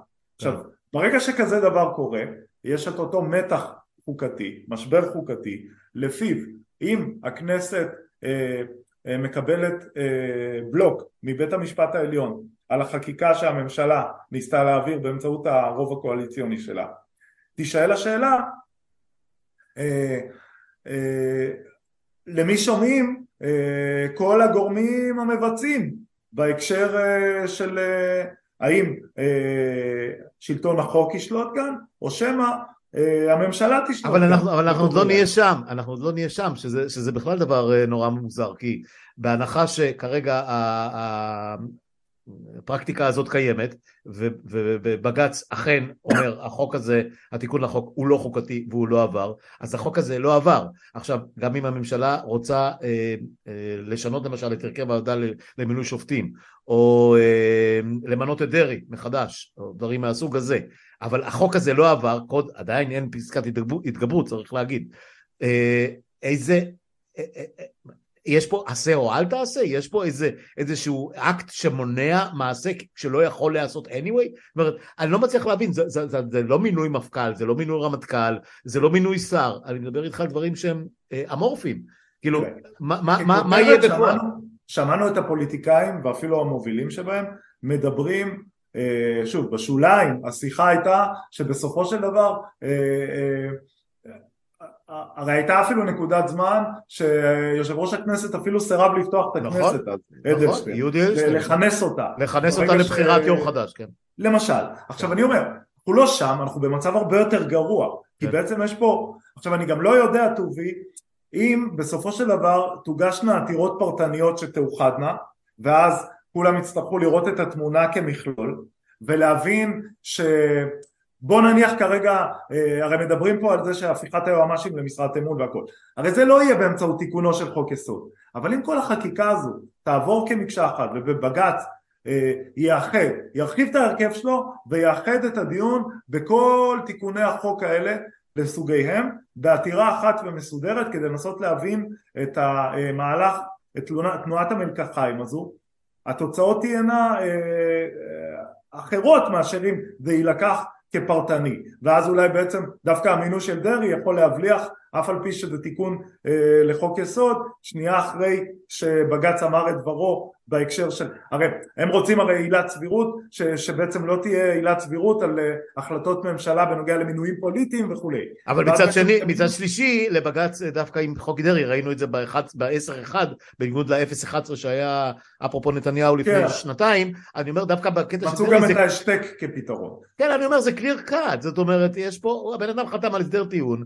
הוא ידע על מה הוא חותם חותם, הוא בן אדם בגיר, הוא אה, אה, אמר שהוא פורש, שלום תודה. זאת אומרת, אה, זה, זה, זה, זה case study נורא קל, שבו, בג"ץ יכול להגיד, תפסיקו לבלבל את המוח, אתם באים לעקוף, אותנו, אתם, החקיקה הזאת היא בלוף, היא לא יכולה לעבור בשום, בשום קונסטלציה. אז זהו, אז האמת היא כזאת שכבר היה גם את האמירה של השופטת חיות על זה שכאילו דעתה לא נוחה מהשימוש בחוק יסוד למטרה הפרסונלית הזו, כן. ואז היא כתבה את העתירה בפסק הדין הרגיל שלה, סבירות, השתק וכולי, אבל באופן כללי ברגע שאתה אה, מותח את הגבול נניח, סתם אנחנו כרגע בדוגמה האיזוטרית הזו, היא בעיניי לא מערערת את אמות הסיפים אה, של מדינת ישראל, היא הרבה פחות מטרידה אותי מכל הדוגמאות האחרות, ברור, ברור. בגלל היותה פרסונה, כן, אבל זה case study, זה, זה, זה נכון, תמיד, נכון. הדבר הקטן הזה שהוא קל, כן. שהוא קל יחסית, שבו אתם אומרים, חבר'ה, זה, זה אה, unheard of, אפרופו not done. זה, אבל זה, זה לגבי מה משהו שאתה ש... שואל אותי, לגבי מה ששאלת אותי, לרקוד על הראש. אני באמת לא יודע להגיב לך איך, ה, איך אומרים, המעגל השוטה הזה בסופו של דבר התכנס לכדי אה, מה שאנחנו קוראים אה, למי אתה שומע אה, אה, הרמטכ"ל, למי אתה שומע ראש המוסד, אז ראינו לא יודע- את זה, כלומר אני ראינו מסכים איתך שאני לא יודע איך זה יקרה, כן, אה, אף אחד לא יודע, ראינו את זה גם אה, במקרה האחרון של, אה, של המשבר בין, אה, בין השר לביטחון לאומי, כן, אה, המפכ"ל. והיועצת וה- נכון, ואותו ניצב, נכון. אמ, ואנחנו שומעים אה, התחלות, גם פורום הניצבים והרב ניצבים לשעבר, וגם אה, אה, המפכ"ל עצמו ב... ביוטרן שהוא לקח אה, אה, כן, אמש, כן. אחרי הוא אמר קודם כל החוק, עכשיו גם נתניהו למרות האמירה שלו עכשיו בישיבת הממשלה היום וגם אה, ראינו את זה עם דרעי שבסוף הוא השעה את זה שתי יממות אבל הוא הביא את המכתב והוא פיטר אותו. זאת אומרת אפשר היה, הוא יכול היה ללכת על הראש של בג"ץ או על, ה, על העליונות של המחוקק לצורך העניין או של הרשות המבצעת על הראש של בג"ץ ולבחון את זה. הוא מאוד נזהר, הוא מאוד נזהר. ראינו שגם אדלשטיין בזמנו לא הפר עד הסוף את הוראות בג"ץ, הוא פשוט התפטר בשביל לא לבצע את ה- את ההפרה הזאת. זאת אומרת, נכון, אה, נכון. הם לא, הם, הם, רוצה לא רוצה להגיד פחדנים, אבל הם, הם לא all in במובן של לשבור את הכלים. הם מכירים איכשהו את הטכנולוגיה, הם, הם, הם, אה, אבל מצד שני, אה, אני חייב לומר שבגלל אה, המציאות הפוליטית אה, אה, היום, ובגלל המתח שקיים בין, אה, בצורך להראות מי פה בעצם המושל, אה, קשה לשפוט את ההתנהגות הפעם, היא זה אחרת נכון. מאשר הדוגמאות שאנחנו מכירים. זה נכון. לצערי אני אומר את זה, אני לא, אתה יודע, כאילו זה... כן. כמה זה- שאלות, וכמו שאמרת מההתחלה, בסוף זה לא משפטי. נכון. בסוף זה מי מי זה מבחן כוח, זה כיפ-. כיפופי ידיים נטו. כן, אה, כן, כן. אפרופו, אפרופו כיפופי ידיים, אה, אה, אתה היית קוצב כרגע את זמנה של היועצת? אה, אני חושב שעוד לפני זה יגיע העניין הזה המשבר. של, אה, של המשבר, אני חושב. כי נדמה לי שהליכי החקיקה, אה, בגלל שברגע שיראו שההידברות הזאת לא קורית ושאין פשרה שבאמת אה, גם מאפשרת כולם, לנו כולם, להיכנס- כולם יצאו עם כולם? הודעות היום שאין מתווה. שאין פשוט, לא, זהו, אין מתווה חליפי, כן, והמתווה אין הזה אה, לא צריך להיות משפטן גדול כדי להבין שהוא לא שונה מהתוכנית האמיתית, כאילו הוא רגיל לגמרי. ברור, ברור, ברור. אה, בהקשר הזה, אני חושב שעוד לפני כן, זה פשוט תהיה סיטואציה של השלמת הליכי חקיקה ועתירות בהתאם. אה, היועצת המשפטית לממשלה והעניינים אה, סביבה הם, אה, הם משהו שלא נראה לי שיתפוצץ עלינו עוד לפני הזה, אבל שוב, הניחוש האחר הוא טוב כמו הניחוש שלי. אני לא הייתי רוצה למשל שהיא תתפטר. הם אה, את זה- ברור לי לגמרי, אגב אני כן הייתי רוצה למשל שהרצוג יתפטר, כי אני חושב שדבר כזה כן. יכול לזעזע, כן. אבל זה גם לא יקרה, אה, ברור לגמרי, אה, וגם אה, גם אם המפכ"ל היה מתפטר או לא מתפטר זה לא היה משנה הרבה, כי הם היו השאלה אם היית רוצה שהרצוג לא יחתום, שזה אה, האקט זה- הנותן תוקף, מה שנקרא. אה, ניר בינינו זה כמו להתפטר, זאת אומרת מה, כן. מה כאילו זה מה שימנע את העברת החוקים, כן, זה, אנחנו, זה זה לא, משחק בסדר, בנדמה לי, זה- זה משחק בנדמה לי, זה משחק עוקפים את השאלה. זה, זה אקט של מחאה, לא יותר כן, מזה, כן. מחאה מאוד רפה. אני נורא מתלהב מזה שאנשים אומרים, הוא לא יחתום וזה לא יעבור. יעבור, יעבור, זה לא, לא, זה לא מה שימנע. תשמע, זה, זה, זה ממש מרתק, אה, אה, אם זה לא היה התינוק שלנו, היינו ממש יכולים, יכולים להתגלגל פה מצחוק מכל, ה, מכל הקרקס שהולך פה, אבל זה, זה החיים שלנו, ואם רק לסכם, שוב, חזרה לקטע החברתי והפוליטי, נדמה לי שדבר אחד הם לא הביאו בחשבון, אה, כל החורשי רעתנו, הם לא חשבו שההתנגדות האזרחית תהיה כל כך מסיבית. אין שום תסריט שנתניהו היה יודע שזה מה שהוא הולך לקבל לא רק בירושלים, ולא רק בקיסריה, ולא רק בקפלן, ולא רק בחיפה, אלא גם בברלין, וברומא, ועוד מעט בלונדון, ואיפה שזה לא יהיה. תשמע, אה, והכתף זה לא כבר לא כתף קרה, כל הפרשנים שדיברתי איתם אמרו לי וושינגטון יגידו ככה, יצקצקו בלשון, אבל לא ממש יעשו, הם חוטפים מוושינגטון באבי אביהם, ביג טיים. אני לא מזלזל ב... אתה יודע, בכל החוויה הזו של עשרת השבועות האחרונים, אני כן. ממש לא מזלזל באפקט כן. שלה. והוא רק הולך ומתעצם. נכון. אבל אה, יש הטוענים, אה, שוב אני לא מתיימר אה, להבין פוליטיקה יותר מאשר הטוענים, שהלחץ הכלכלי אה, וההקשר... אה ביחד, כן כן, איתך? הרבה יותר אפקטיבי, אבל מצד שני, אני, אני, אני חייב לומר שהעשרת השבועות הללו הם אלה שמייצרים את אותו מומנטום שבעקבותיו הכל קורה. זה תנועת מלקחיים. האלה... אפרופו התנועות מלקחיים של לוין רוטמן וגולדקנופ, כן. אה, גפני וכל השאר נתקלים בתנועת מלקחיים עוצמתית פי מאה כי תשמע אה, בסופו של דבר פוליטיקה היא אומנות הבלתי אפשרי, אנחנו מכירים את זה. בסוף איכשהו יקמבנו, הרי המדינה איכשהו תמשיך להתקיים גם אם אנחנו לא נכיר אותה, אה, אה, אבל הכסף שהולך, ספק אם יחזור, ופיטורים, אנשים שיפוטרו, אם עכשיו זה יהיה גל פיטורים של אה, ומיתון, ואינפלציה, ומחירי דירות שיעלו, ומטבע שיתרסק, ייקח הרבה מאוד זמן לשקם את זה, אז, ואני חושב שנתניהו מבין את זה.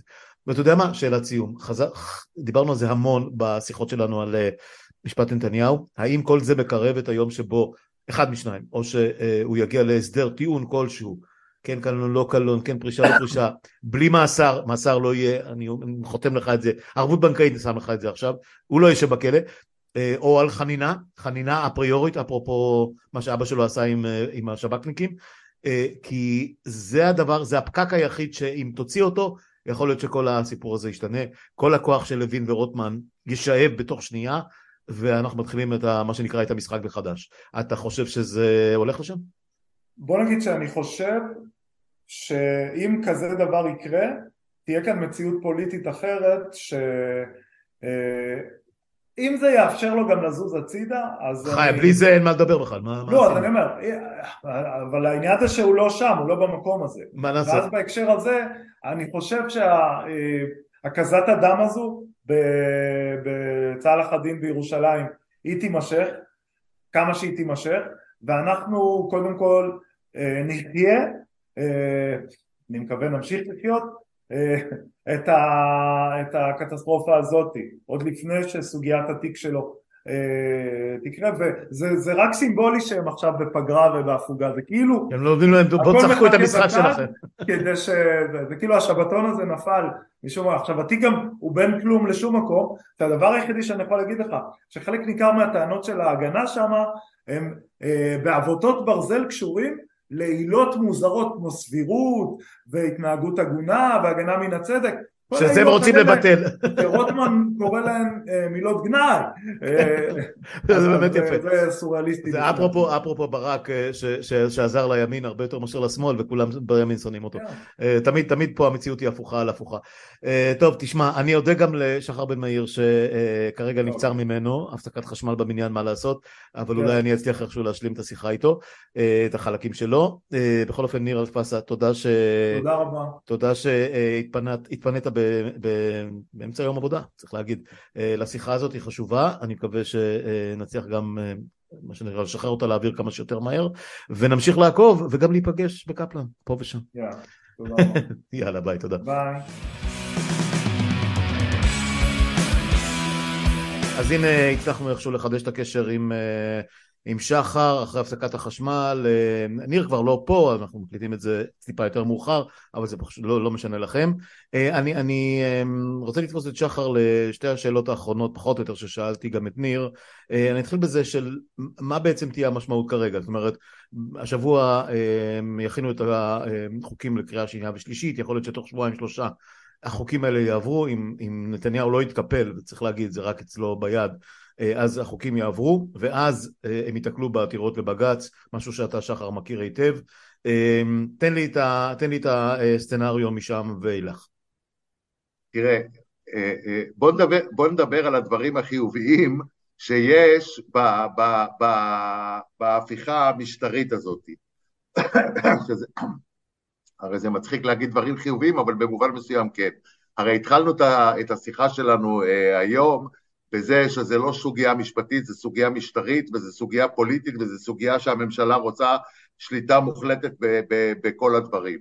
ואתה יודע, יש דוגמאות של אה, הונגריה ויש, היו לאחרונה הרבה ראיונות עם כל מיני אנשים אה, שהיו בהונגריה, אנשים שעזבו ו- ו- ו- וכולי וכולי, ואחד הלקחים שאחד הלקחים שהצביעו בהונגריה, וזה חשוב, זה בדיוק בתשובה לשאלה שלך, אה, אה, היא אומרת, אתם צריכים להילחם בדברים מההתחלה ובכל הכוח, והם אומרים גם, הם מספרים מה קרה אצלם, אומרים, תשמעו, אצלנו זה לא קרה בפתאומיות כל המהפכה, אלא זה היה מה שנקרא בשיטת הסלאמי, כל פעם משהו קטן שלכאורה לא נראה אה, אה, אה, שינוי משטר דרמטי, ולכן לא נלחמנו מספיק, ובאמת לפי ההיסטוריה הספציפית של הונגריה, יצאו למחאות שם במקרים הכי חזקים, איזה מאה אלף אנשים, בעיקר בבודפסט, ולא מעבר לזה. כן. עכשיו, למה אני, למה אני אומר את כל הדברים האלה? הטעות שעשו אה, לוין ורוטמן, זה שהם החליטו להביא את הכל בבת אחת, ועוד מאיימים mm-hmm. אחרי זה שיש שלב שני, זאת אומרת, אה, אה, הם מוציאים אותך להורג כבר בשלב הראשון, ואחרי זה עוד, הם עוד טוענים שהם התעללו בגופה. ולכן, א', זה, זה מגביר מאוד את המחאה, וב', בואו נדבר על, ה, על, ה, על הסוגיה המשפטית פרופר. כן. אה, באחד מניירות העמדה ש, שהיועצת המשפטית אה, מסרה גם לממשלה וגם לוועדת החוקה, היא משתמשת בביטוי שיש בשינויים החוקתיים אה, פגיעה ב, ב, ביסוד הגרעיני של המשטר הדמוקרטי. ועכשיו, היא לא, היא לא לקחה את הביטוי הזה סתם כי, כי זה מה שבא לה לכתוב, כי בעצם על פי ההלכה במדינת ישראל, אה, אה, בית המשפט העליון אמר בהרבה פסקי דין שהוא לא מתערב בתוכן של חוקי יסוד, שזה בעצם חוקה, אלא אם יש בהם פגיעה ביסוד הגרעיני של הדמוקרטיה במדינת ישראל. ולכן כשהיועצת המשפטית משתמשת במונח הזה, היא משתמשת בפירוש במונח בעצם בכלל או של ההלכה של בית המשפט העליון, שאומר אני יכול להתערב בחקיקי יסוד אם יש בה פגיעה ביסוד הגרעיני של הדמוקרטיה וזה מה שיש פה, חד משמעית, אין, אין, אין זה בכלל ויכוח, עזוב אותי שאני חושב את זה, יגידו לך את זה המומחים הכי גדולים בארץ למשפט חוקתי. עכשיו, התסריט שיהיה בעיניים שלי הוא תסריט ברור, יוגשו עתירות לבית המשפט אה, נגד החקיקה, נגד כל המהלך הזה של המהפכה המשטרית, נגד החקיקה של חוקי היסוד, ולהערכתי העתירות האלה התקבלו בדיוק על בסיס הנימוק הזה, זאת אומרת שאין אין, אין לכנסת, צריך גם להבין, אין לכנסת סמכות לבטל את החוקה של מדינת ישראל ולבטל את, את, את המבנה של המשטר הדמוקרטי. הסמכות של הכנסת לחוקק חוקה, לכתוב חוקי יסוד, הכנסת יש לה סמכות כל יום ויום ל, ל, לחוקק חוקים, היא יכולה לחוקק חוק ביטוח לאומי, היא יכולה לחוקק חוק אה, אה, לגבי אה, תחבורה ציבורית, חקיקה רגילה. ביחס לחוקה, הכנסת כרשות מכוננת היא שואבת את הסמכות שלה מה, מה, מהכנסת הראשונה, מאותה הרשות המכוננת, שנתנה לה סמכות לכתוב חוקה, אבל אין לה סמכות לבטל את החוקה, אין לה סמכות לבטל את, את האלמנטים היסודיים של המשטר הדמוקרטי, שזה העצמאות של הרשות השופטת, שזה זכויות אזרח. ולכן סביר מאוד להניח שבית המשפט יקבע שהתיקונים האלה לחוקי היסוד הם לא חוקתיים, יש דוקטרינה שנקראת תיקון חוקתי לא חוקתי, שהיא מוכרת בעולם והיא גם יושמה במדינות לא מעטות, כולל במדינות uh, שנחשבות דמוקרטיות uh, עם מערכת משפט עצמאית כמו הודו, ואז בית המשפט בעצם יפסול את החקיקה הזאת.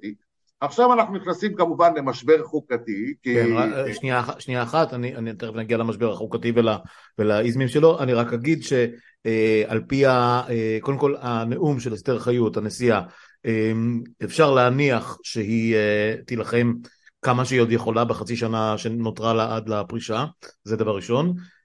הדבר השני, די ברור, ברור בעליל, שהיועצת המשפטית לממשלה לא, לא תתמוך. זאת אומרת, הממשלה אם תרצה להגן על החוקים ש, שהיא העבירה, או הכנסת, אתה יודע, זה, זה לא, לא כך ברור לי נגד מי עותרים. כאילו, אתה עותר נגד מי בדיוק? אתה עותר נגד הכנסת? אתה, אתה עותר נגד לא, לא. הממשלה? אתה עותר, זה, יש פה משהו מעניין. כשאתה מגיש עתירה נגד חוק, mm-hmm. או נגד חוק יסוד בוודאי, המשיבים שלך זה הכנסת. אוקיי. כי הכנסת עכשיו, יהיה פה קטע מעניין. כאילו, יש, יש יועצת משפטית לכנסת שאמורה להגן על הכנסת, לא? בדיוק, ולהערכתי, היועצת המשפטית של הכנסת בעצמה, היא תגיד שהיא לא, יכולה, לא רוצה להגן על זה. היא כבר אה, די אה, אה, מראה שרירים בימים האחרונים. נכון, וגם, וגם, והיועצת המשפטית לממשלה בוודאי שהיא לא, לא המשיבה. בקיצור, הם צריכים, הם צריכים את, איך קוראים לו, רבלו, הם צריכים מישהו מהסוג הזה. כן. אז, כן. אז, אז זה מה שיקרה. עכשיו... אז, שנייה, ש... שנייה, אז, אז, אז אני אומר, אז, אז, אז אנחנו מגיעים למצב שבו החוקים נפסלים, אה, אה, רובם ככולם, אגב ניר הזכיר שיכול להיות ש, שהבג"ץ ימליץ או, או שזה ילך ל... ל, ל, ל יאחדו את כל העתירות לעתירה אחת אה, כללית ולא ילכו פרטני, כי יכול להיות שפרטני ייקח הרבה, כן, ייקח הרבה מאוד זמן ו, ויהיה בלאגן. אמ, מה קורה, מה קורה אז? זאת אומרת, אוקיי, זה חוזר לממשלה, זה חוזר לכנסת. נותן, אז אני, אני. נותן לך את התסריט. כן. דרך אגב, יריב לוין ורוטמן, הם, הם, הם כבר צופים את זה. ברור. לכן, הם ב, ב, ב, בחלק מהסעיפים שהם עושים, למשל בתיקון של הסמכות של בג"ץ, של סעיף 15 לחוק יסוד השפיטה, אז הם, אה, הם מכניסים סעיף שאומר לא יהיה תוקף לכל פסק דין שככה וככה וככה. אבל גם זה יכול לא להתקבל, אז מה? לא. ועוד אין פסקת התגברות, אתה יודע, זה... לא. כבר אמרנו שזה תיקו מקסיקני.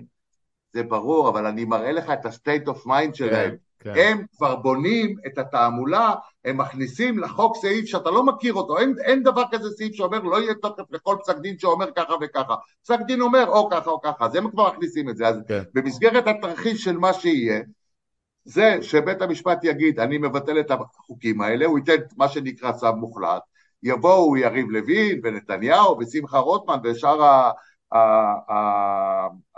תומכי הדיקטטורה ויגידו הפסק דין הזה אין לו תוקף, הוא לא חוקי כי אין להם בכלל סמכות לעשות את זה. באותו רגע נשאלת שאלה אחת שהיא, שהיא מתפרסת לשלוש שאלות משנה. והשאלה הזאת זה למי, למי מצייתים גופי האכיפה? שזה המשטרה וזה השב"כ וזה צה"ל. אז אני אומר לך בהערכה שלי, לא שיש לי איזושהי ידיעה אבל אני, אני די משוכנע שגם אה, צה"ל וגם אה, השב"כ יודיעו לראש הממשלה, אדוני אנחנו מצייתים לחוק. זהו, בבית המשפט העליון אמר מה החוק ומה לא החוק, ומפה אנחנו פועלים ולשם אנחנו מצייתים. לגבי המשטרה אני לא בטוח, למרות מה שראינו אתמול שהמפכ"ל אמר, אני מציית ליועצת המשפטית לממשלה ולא לאיתמר בן גביר. אז זה, זה, זה מה שיקרה במשבר הזה, ואני אומר לך עוד פעם, ואני לא היחיד שאומר את זה, אני אה, אומר את זה, גם מנדלבליט אמר את זה בריאיון אתמול נדמה לי במוצאי שבת.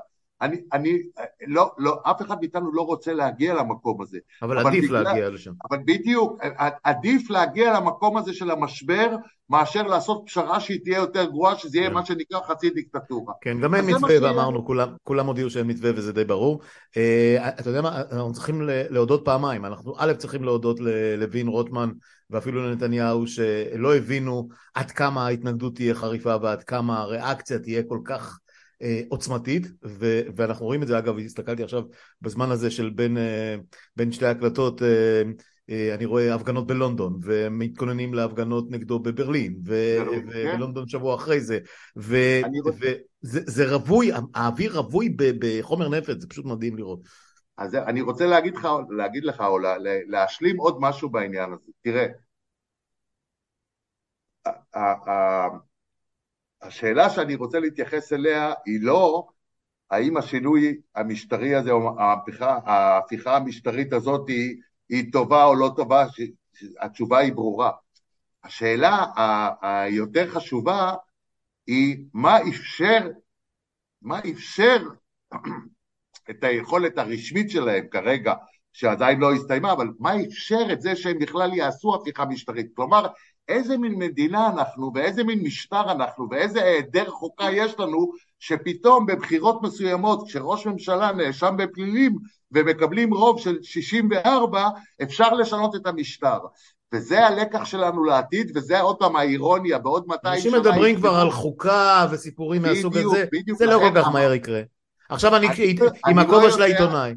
אני לא יודע, אבל אני אומר לך את זה עוד פעם, בתור מישהו שבא להפגנות וזה, אנחנו האזרחים לא צריכים להסתפק עכשיו בנקודת ברור. הזמן הזאת, לא צריכים להסתפק בטוב נוריד את החקיקה מעל הפרק, אנחנו צריכים להסתפק בזה שתהיה חוקה שתגן שלא יהיה אפשר שיהיה מצב כזה. אני מסכים איתך אה, ב-300 אחוז, לא ב-100 אחוז, אה, אבל, אבל משהו שאמרת קודם קצת אה, אה טיפה אה, לא התחבר לי עד הסוף. כשאתה אומר אה, אה, השב"כ והצבא, ולמרות שגם ההתבטאות של הרמטכ"ל אתמול הייתה מטופשת כן. ברמה שאני לא מצליח להבין איך אנשים, גם אם זה היה בשיח, בשיח אגב, בתשובה לשאלה, רבאק, אתה רמטכ"ל, אתה בן אדם בן חמישים ומשהו, אתה אמור לדעת מה לא להגיד, אבל נניח לזה כרגע. אה, אין הרי, אין הרי פה מעשה, אה, אה, פסילת מעשה או פסילת אה, הלכה כרגע. זאת אומרת, החוקים ברובם, חוץ מאשר נדמה לי הוועדה למבנה ההרכב, הוועדה למינוי שופטים, שזה גם, אני לא משוכנע שזה חלק מהחוק. נדמה לי שהחוק מסמיך אותם לשנות את הרכב הוועדה, אבל, אבל לא קובע מה יהיה הרכב הוועדה, אבל, אבל פחות, זה פחות חשוב. אה, אה, אולי החוק היחיד שהוא חוק של עשה אל תעשה, זה החמץ בבית חולים, שזה שזה הדבר היחיד. כל השאר הם, הם קביעות עקרוניות שעדיין יש לא מרחק בינם לבין אה, המשטרה תציית לאכיפה. אין אכיפה פה. במה? לא, זה לא, טובי, זה לא משנה. אני אתן לך, אני, אני אתן לך את זה משתי נקודות מבט. א', זה לא משנה שזה משהו בפועל. בוא, בוא נלך לפי התרחיש הזה, שבית המשפט נותן אה, אה, פסק דין שאומר החוקים לא זה, והממשלה מתכנסת ויריב לוין ונתניהו נואמים ואומרים אנחנו מתעלמים מבית המשפט. Okay. אוקיי. אותו רמטכ"ל שאמרת אתמול, שאמר, אה, שאמר אתמול, שלשום, לא יודע, בריאיון okay. כן. לנחום ברנע, אה, אה, הוא יצא בהודעה מטעמו, והוא יגיד, אני כמפקד העליון של הצבא, כפוף לפסקי הדין של בית המשפט העליון. ואני לא אבצע שום דבר שמנוגד לפסקי דין של בית משפט עליון. ברגע שהוא יוצא עם ההכרזה הזאת זה ברור, זה אחד. שתיים, בוא נלך למה שאתה אומר, הוועדה לבחירת שופטים. הם ימשיכו עם המשבר החוקתי, הם mm-hmm. יתעלמו מבית משפט, הם יכנסו את הוועדה בהרכב שהם קבעו אותה, והם יבחרו עכשיו את... מתי, אגב, uh, מתי הוועדה אמורה להתכנס בהזדמנות הקרובה לדעתך? היא לא, היא לא אמורה, דרך אגב, היא הייתה אמורה להיבחר, לפי החוק, לפני הבחירות. תוך 60 יום ממועד הבחירות. אה, אוקיי. זה כתוב בתקנון הכנסת, אז הם דחו את זה בעוד 60 יום כדי שהם יוכלו לשנות... זה לא משהו על הפרק מחר בבוקר. כן.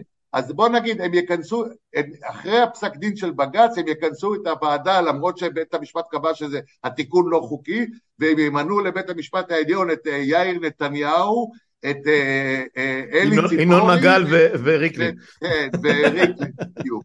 עכשיו, אז בית המשפט העליון אה, יתקשרו למשטרה ויגידו למשטרה תמנעו את הכניסה שלהם. אוקיי, okay, אה, יפה, אז תמנעו את הכניסה שלהם, אה, שזה, שזה נחמד, שזה חשוב והכל, אבל אני אקח אותך צד אחד אחורה דווקא, ולא קדימה, ואני אשאל אותך, בשביל שחוק ייכנס לתוקף צריך א', את החתימה של נשיא המדינה, אז אמרנו שזה נניח משהו סמלי, זה יעבור, הרצוג לא, בוא נגיד שאם הוא לא יחתום זה כאילו יתפטר בעיניי, לא נראה לי שזה הולך לקרות, זה אחד, אבל הדבר השני צריך להיות אה, אה, אה, מה שנקרא רשום ברשומות, זה צריך להיכנס... פרסום, כ... פרסום ברשומות. פרסום כן. ברשומות, זאת אומרת זה צריך להיכנס באופן רשמי, על פי כל הכללים, לתוך ספר החוקים של מדינת ישראל. זה לדעתי, שוב לא כמשפטן, מעשה כזה, מישהו אמור הרי למלא אותו, משרד המשפטים אני מניח. נכון. מה אז? זאת אומרת, פקיד, פקיד שמקבל, או לא יועץ משפטי כזה או אחר, בתוך לא המשרד שמקבל הוראה, תרשום את זה בחוק, הוא אומר, רגע, בג"ץ פסל את זה, מה אני עושה אז?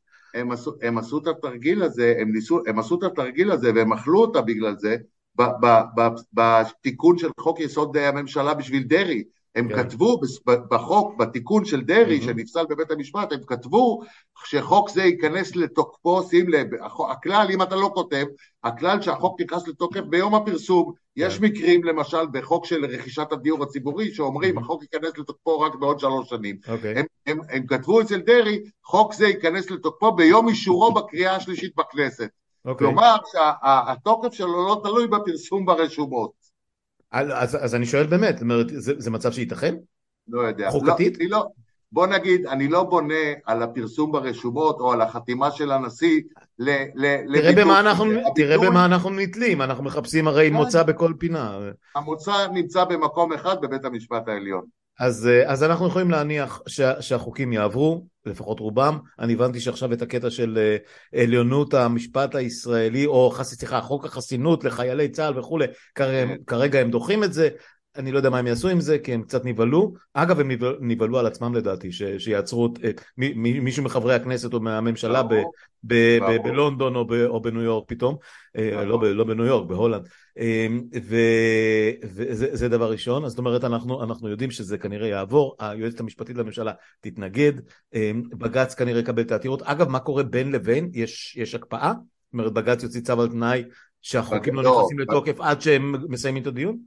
בג"ץ יכול להוציא גם צו ביניים לחקיקה, בוודאי. זאת אומרת, זה ייקח חודשים ארוכים עד שהדבר הזה יהפוך למשהו נכון. שאנחנו נראה אותו בעיניים. נכון. זאת אומרת, אנחנו, זה, זה בהחלט יכול להיות שהממשלה תתהפך שלוש פעמים עד אז מבחינת פוליטית, כי אתה יודע, אה, אה, בן גביר יכול פתאום אה, לחטוף את הג'ננה, וסמוטריץ' לא יעליב אותו באמריקה, לך תדע מה הוא יעשה אז. בקיצור, אנחנו נכנסים לתוך תקופת קרקס באמת מטורפת. לגמרי. אני מדבר איתכם כמשפטנים, ואני מדבר עם אחרים כ... אתה יודע, כפול... כאנשים ש...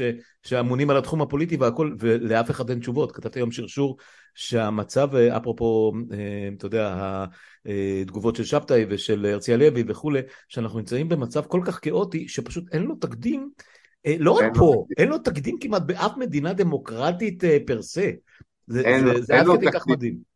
אין לו תקדים. לכן אני אומר לך שאנחנו צריכים לצאת מהמשבר הזה במצב יותר טוב מאשר נכנסנו. אה, כן, אנחנו לא נצא לשום מצב אה, חדש אה, שלא ראינו עד היום בהרכב הפוליטי הנוכחי. ואתה יודע מה, אני אשאל אותך לסיום, ממש לסיום לפני שניפרד ואחר כך נייחד את כל השיחות שהתפזרו קצת. שאלת נתניהו ואתה, אתה יודע, דיברתם ב Space המון על משפט נתניהו ועל הפרטים שלו והכל ועכשיו זה הפגרה ונשאלתי גם את ניר את השאלה הזאת קודם יש מצב שהמשפט הזה איכשהו אה, ימשיך להימרח למשך עוד שנה, שנתיים, שלוש, ונתניה ימשיך להיות איתנו, או שהתסריט שלי, שהמשפט הזה פחות או יותר יסתיים באבחה, בוקר אחד נקום ונשמע שיש הסדר, או שיש חנינה, או שיש משהו כזה. איפה אתה היית שם את הכסף שלך? תשמע, הדעות שלי לגבי העניין הזה השתנו עם... אה, עם התקרבת אליי, התקרבת אליי קצת, כן. עם מהלך הזמן. קשה לי להאמין שהמשפט הזה יגיע לסיומו באופן רגיל. כן.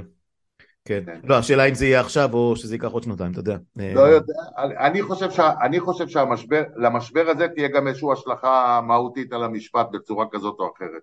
אני, אני לא יכול להסכים יותר מזה. יופי, טוב, אה, שחר, נדמה לי שכיסינו פחות או יותר את כל הנושאים, לא, לא פתרנו את כל הבעיות של מערכת המשפט, אה, לצערנו, עוד, אה, עוד נוכל, זאת אומרת, יש לנו על מה לדבר בשיחות הבאות. טוב, אז נמשיך לעקוב, נמשיך, אני מניח, להיפגש גם ברשתות וגם בטלפון וגם בהפגנות. ו... ונקבל את טוב, מה אני אגיד לך? שיהיה לנו משבר חוקתי, חוקתי שמח, זה איחול, איחול, זה האיחול הכי טוב שאני יכול לאחל היום. כן, תודה. תודה, תודה להתראות. ביי ביי. ביי, ביי.